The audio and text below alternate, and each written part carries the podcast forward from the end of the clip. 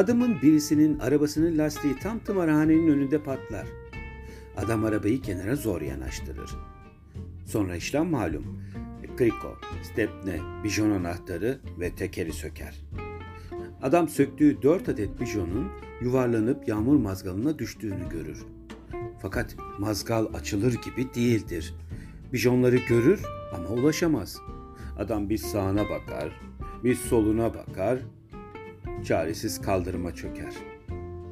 Olayı en başından beri tımarhanenin demir parmaklı penceresinden izleyen bir deli seslenir. Hey, salak! Sen ne yapıyorsun orada öyle? Sorma birader, lastik patladı.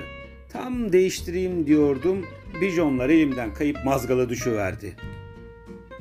Düşündüğün şeye bak. Diğer lastiklerden birer tane bijon çıkar.